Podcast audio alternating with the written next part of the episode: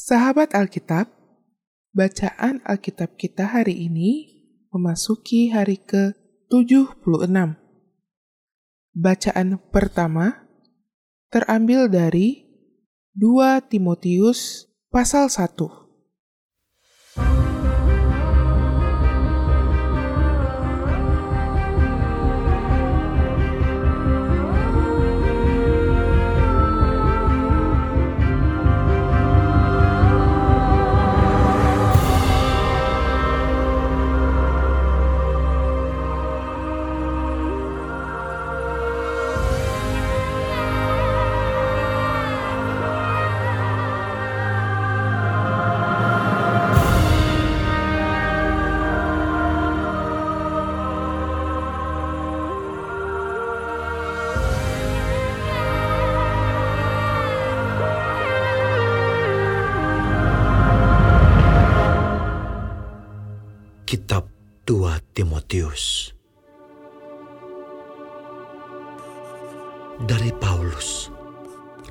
Kristus Yesus oleh kehendak Allah, untuk memberitakan janji tentang hidup dalam Kristus Yesus.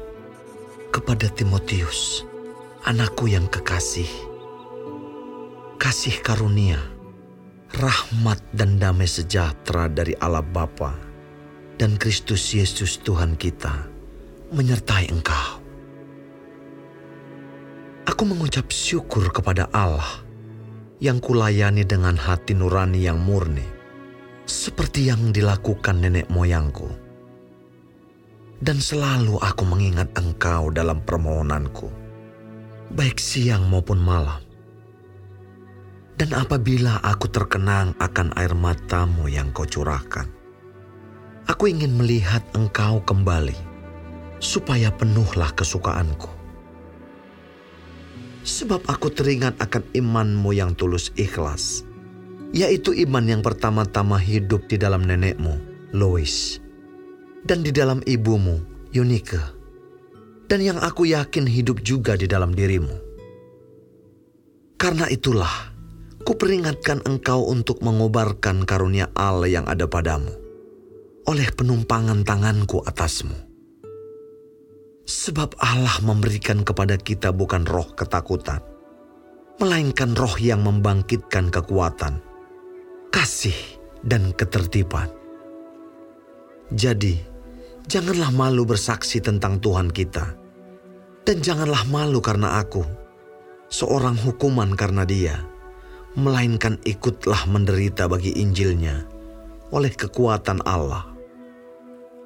Dialah yang menyelamatkan kita dan memanggil kita dengan panggilan kudus, bukan berdasarkan perbuatan kita, melainkan berdasarkan maksud dan kasih karunia-Nya sendiri yang telah dikaruniakan kepada kita dalam Kristus Yesus sebelum permulaan zaman, dan yang sekarang dinyatakan oleh kedatangan Juru Selamat kita, Yesus Kristus, yang oleh Injil telah mematahkan kuasa maut dan mendatangkan hidup yang tidak dapat binasa. Untuk Injil inilah aku telah ditetapkan sebagai pemberita, sebagai rasul, dan sebagai guru. Itulah sebabnya aku menderita semuanya ini. Tetapi aku tidak malu, karena aku tahu kepada siapa aku percaya, dan aku yakin bahwa Dia berkuasa memeliharakan apa yang telah dipercayakannya kepadaku hingga pada hari Tuhan.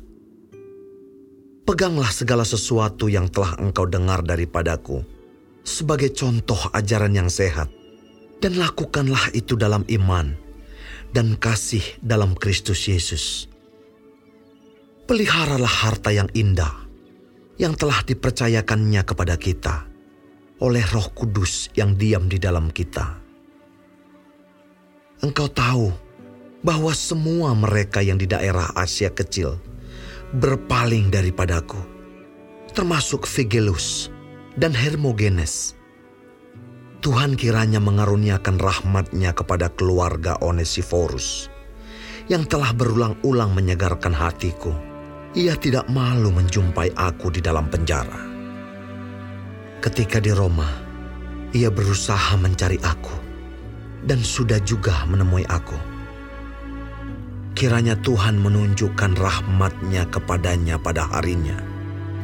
Betapa banyaknya pelayanan yang ia lakukan di Efesus. Engkau lebih mengetahuinya daripadaku.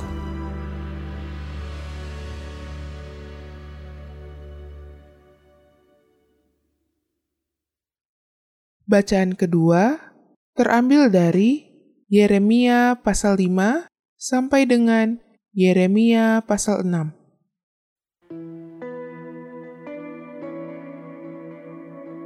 Lintasilah jalan-jalan Yerusalem.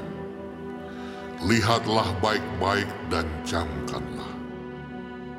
Periksalah di tanah-tanah lapangnya. Apakah kamu dapat menemui seseorang? Apakah ada yang melakukan keadilan dan yang mencari kebenaran? Maka aku mau mengampuni kota itu sekalipun mereka berkata, Demi Tuhan yang hidup. Namun mereka bersumpah palsu. Ya Tuhan, tidakkah matamu terarah kepada kebenaran? Engkau memukul mereka, tetapi mereka tidak kesakitan.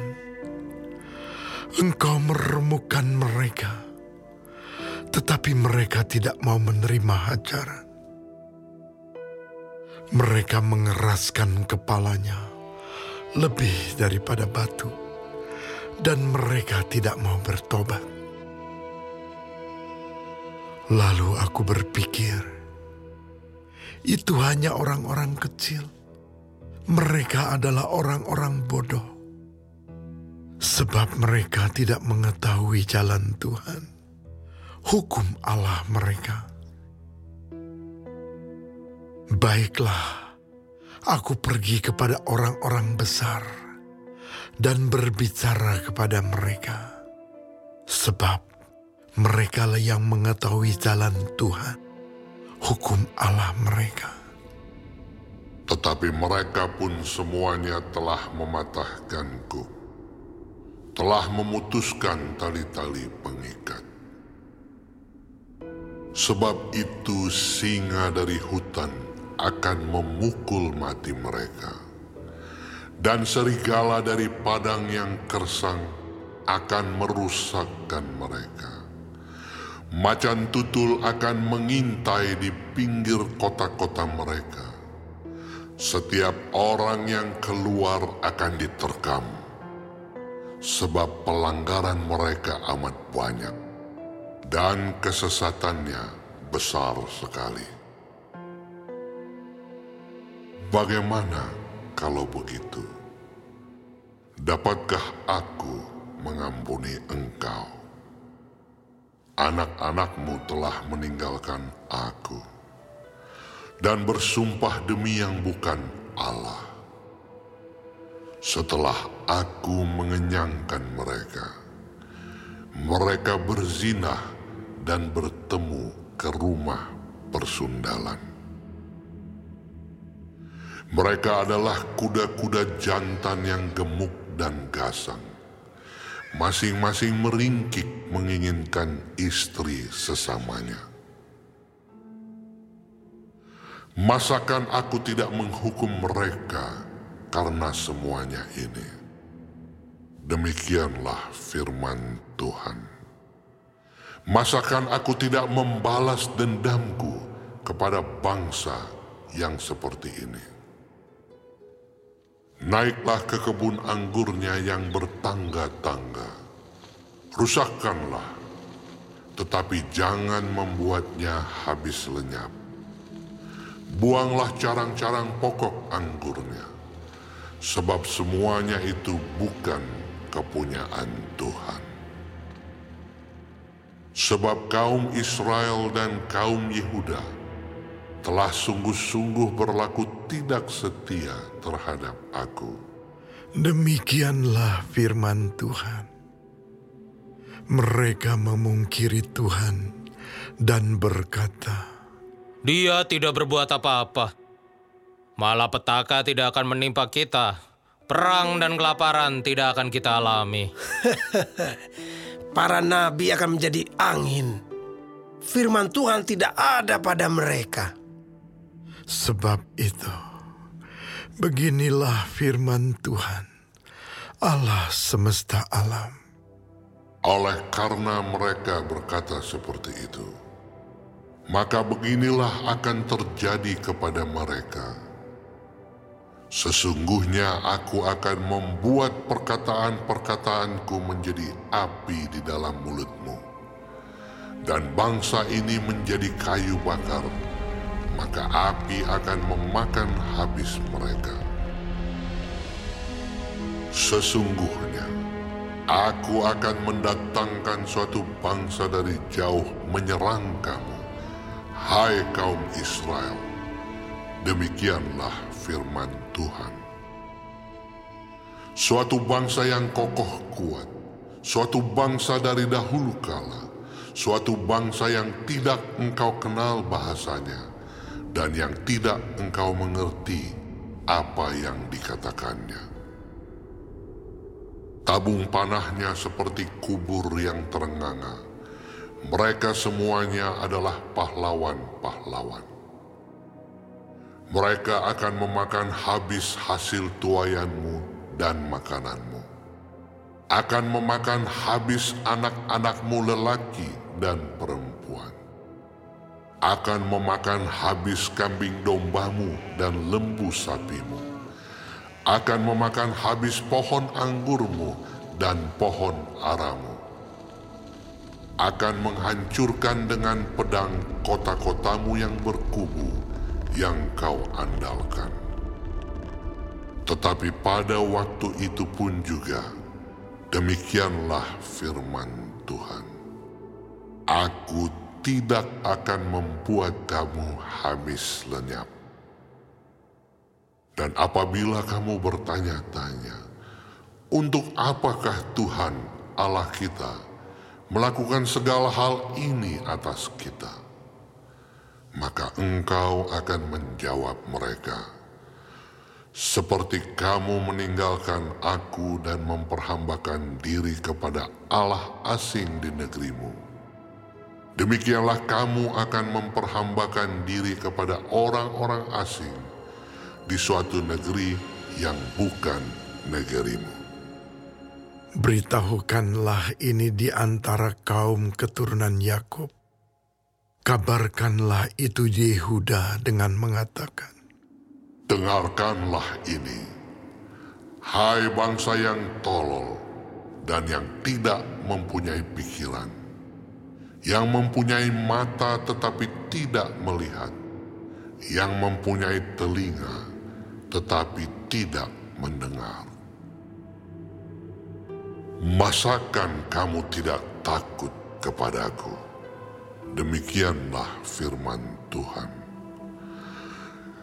Kamu tidak gemetar terhadap aku. Bukankah aku yang membuat pantai pasir sebagai perbatasan bagi laut? Sebagai perhinggaan tetap yang tidak dapat dilampauinya. Biarpun ia bergelora, ia tidak sanggup. Biarpun gelombang-gelombangnya ribut, mereka tidak dapat melampauinya. Tetapi bangsa ini mempunyai hati yang selalu melawan dan memberontak. Mereka telah menyimpang dan menghilang. Mereka tidak berkata dalam hatinya, "Baiklah, kita takut akan Tuhan Allah kita yang memberi hujan pada waktunya, hujan pada awal musim maupun hujan pada akhir musim, dan yang menjamin bagi kita minggu-minggu yang tetap untuk pangan." Kesalahanmu menghalangi semuanya ini dan dosamu menghambat yang baik daripadamu. Sesungguhnya, di antara umatku terdapat orang-orang fasik yang memasang jaringnya. Seperti penangkap burung, mereka memasang perangkapnya. Mereka menangkap manusia. Seperti sangkar menjadi penuh dengan burung-burung, Demikianlah rumah mereka menjadi penuh dengan tipu. Itulah sebabnya mereka menjadi orang besar dan kaya, orang gemuk dan gendut.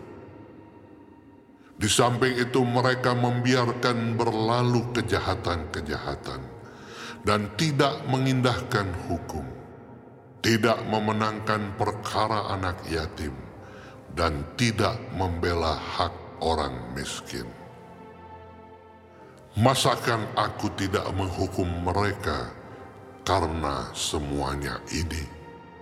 Demikianlah firman Tuhan.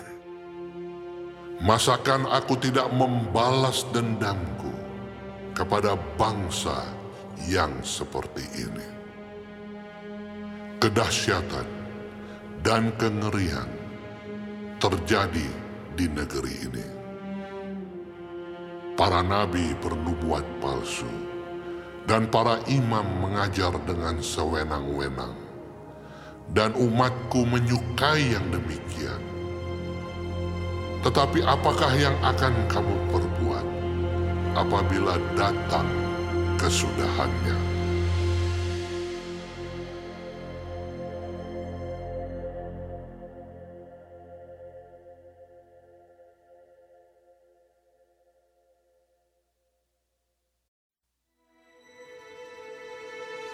Larilah mengungsi, hai orang-orang Benyamin, dari tengah-tengah Yerusalem.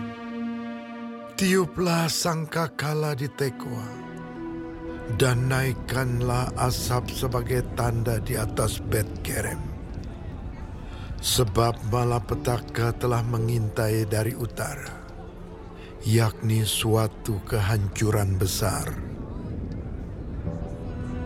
Adakah Putri Sion sama seperti padang yang paling disukai? Sehingga gembala-gembala mendatanginya beserta kawanan ternak mereka.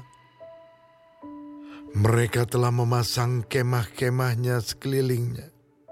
Masing-masing memakan habis apa yang didapatnya. Persiapkanlah perang melawan dia. Ayo, marilah kita maju menyerang pada tengah hari. Ayo, marilah kita maju menyerang pada waktu malam dan merusakkan puri-purinya. Sebab beginilah firman Tuhan semesta alam. Tebanglah pohon-pohonnya dan timbunlah tanah menjadi tembok terhadap Yerusalem Itulah kota yang harus dihukum. Hanya penindasan saja di dalamnya. Seperti mata air meluapkan airnya, demikianlah kota itu meluapkan kejahatannya. Kekerasan dan aniaya terdengar di dalamnya. Luka dan pukulan selalu ada kulihat Terimalah penghajaran, hai Yerusalem, supaya aku jangan menarik diri daripadamu, supaya aku jangan membuat engkau sunyi sepi, menjadi negeri yang tidak berpenduduk. Beginilah firman Tuhan semesta alam. Petiklah habis-habisan sisa-sisa orang Israel, seperti pokok anggur dipetik habis-habisan. Kembalilah seperti pemetik buah anggur dengan tanganmu, mencari-cari buah pada ranting-rantingnya. Kepada siapakah aku harus berbicara dan bersaksi, supaya mereka mau memperhatikan? Sungguh, telinga mereka tidak bersunat, mereka tidak dapat mendengar Sungguh, firman Tuhan menjadi cemoohan bagi mereka. Mereka tidak menyukainya. Tetapi aku penuh dengan kehangatan murka Tuhan. Aku telah payah menahannya. Harus menumpahkannya kepada bayi di jalan dan kepada kumpulan teruna bersama-sama. Sesungguhnya, baik laki-laki maupun perempuan akan ditangkap, baik orang yang tua maupun orang yang sudah lanjut usianya. Rumah-rumah mereka akan beralih kepada orang lain bersama ladang-ladang dan istri-istri mereka. Sesungguhnya, aku mengacungkan tanganku melawan penduduk negeri ini. Demikianlah firman Tuhan. Sesungguhnya, dari yang kecil sampai yang besar di antara mereka, semuanya mengejar untung baik nabi maupun imam, semuanya melakukan tipu. Mereka mengobati luka umatku dengan memandangnya ringan. Katanya, damai sejahtera, damai sejahtera, tetapi tidak ada damai sejahtera. Seharusnya mereka merasa malu sebab mereka melakukan kejijikan. Tetapi mereka sama sekali tidak merasa malu dan tidak kenal noda mereka.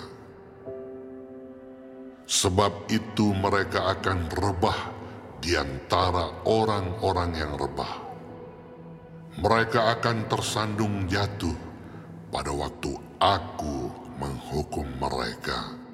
Firman Tuhan. Beginilah firman Tuhan. Ambillah tempatmu di jalan-jalan dan lihatlah. Tanyakanlah jalan-jalan yang dahulu kala. Di manakah jalan yang baik? Tempuhlah itu.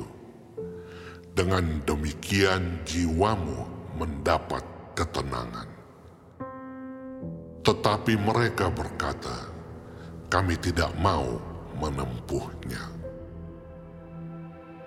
Juga aku mengangkat atas mereka penjaga-penjaga. Firmanku, perhatikanlah bunyi sangkakala. Tetapi mereka berkata, kami tidak mau memperhatikannya.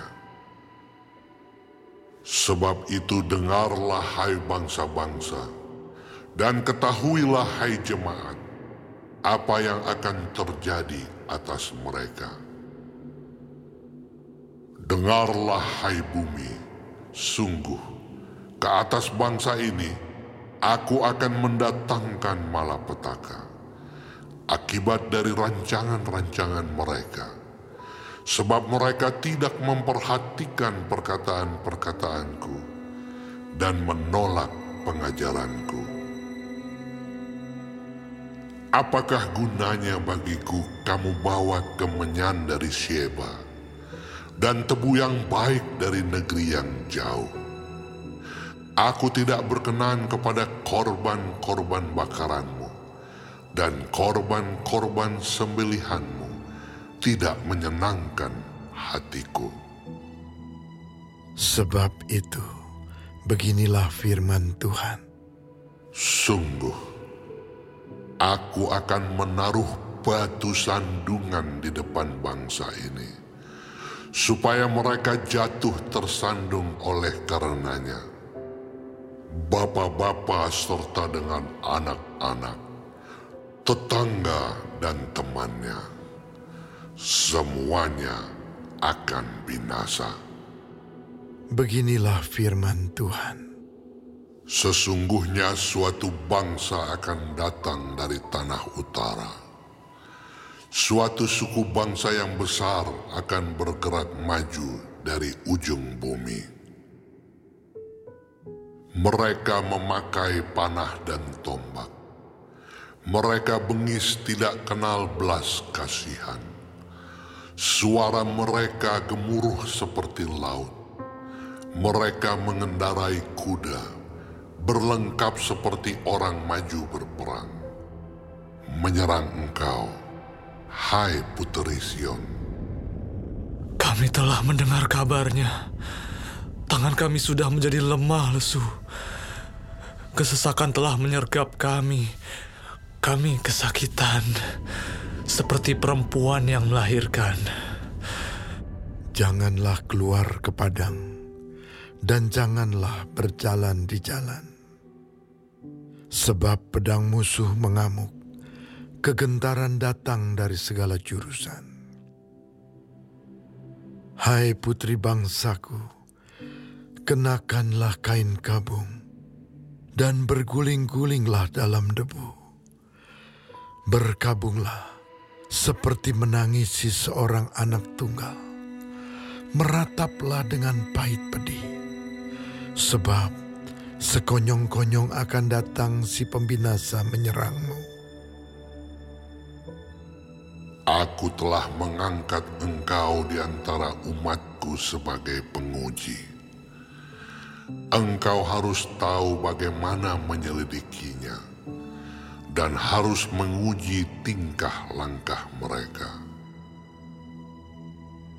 Semua mereka adalah pendurhaka belaka, berjalan kian kemari sebagai pemfitnah. Sekaliannya mereka berlaku busuk. Puputan sudah mengembus, tetapi yang keluar dari api hanya timah hitam. Tembaga dan besi. Sia-sia orang melebur terus-menerus, tetapi orang-orang yang jahat tidak terpisahkan. Sebutkanlah mereka perak yang ditolak, sebab Tuhan telah menolak mereka.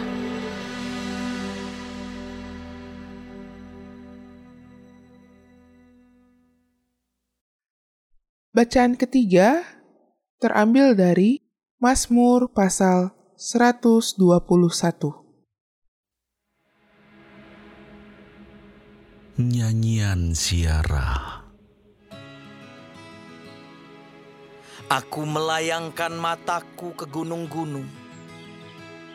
Dari manakah akan datang pertolonganku? Pertolonganku ialah dari Tuhan yang menjadikan langit dan bumi. Ia takkan membiarkan kakimu goyah. Penjagamu tidak akan terlelap. Sesungguhnya tidak terlelap dan tidak tertidur penjaga Israel. Tuhanlah penjagamu Tuhanlah naunganmu di sebelah tangan kananmu. Matahari tidak menyakiti engkau pada waktu siang, atau bulan pada waktu malam. Tuhan akan menjaga engkau terhadap segala kecelakaan. Ia akan menjaga nyawamu. Tuhan akan menjaga keluar masukmu dari sekarang sampai selama-lamanya.